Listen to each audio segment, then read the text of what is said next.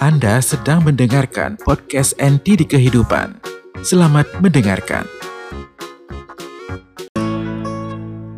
Kompetisi dalam hidup Ada sebuah lomba lari di sekolah.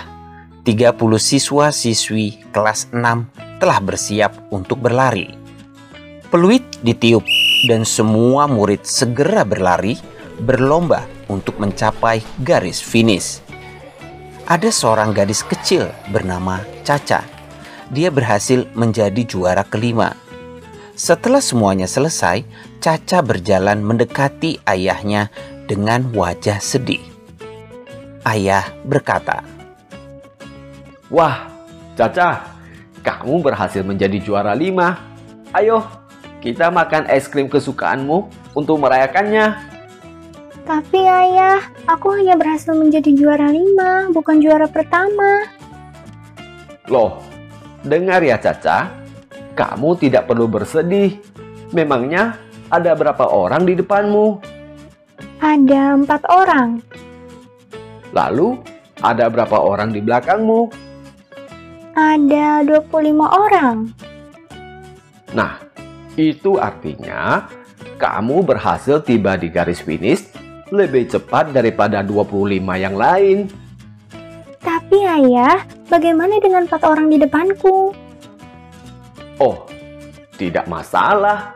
Karena hari ini kamu tidak sedang berkompetisi dengan mereka. Loh, mengapa begitu ayah? Karena mereka telah melakukan persiapan yang jauh lebih baik daripada kamu dan telah lebih banyak berlatih daripada kamu, nak.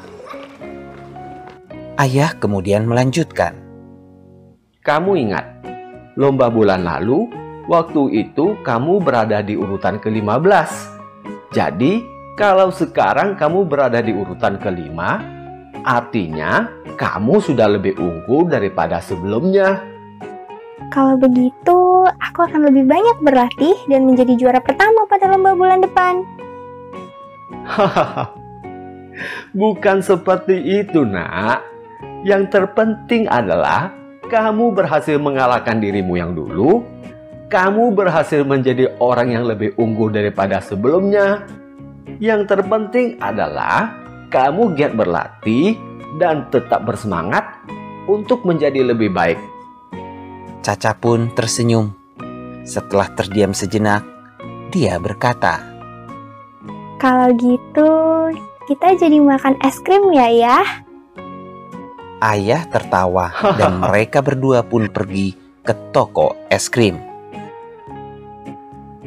Kompetisi bukanlah tentang menjadi lebih unggul daripada orang lain, namun adalah tentang menjadi lebih unggul daripada diri kita di hari kemarin.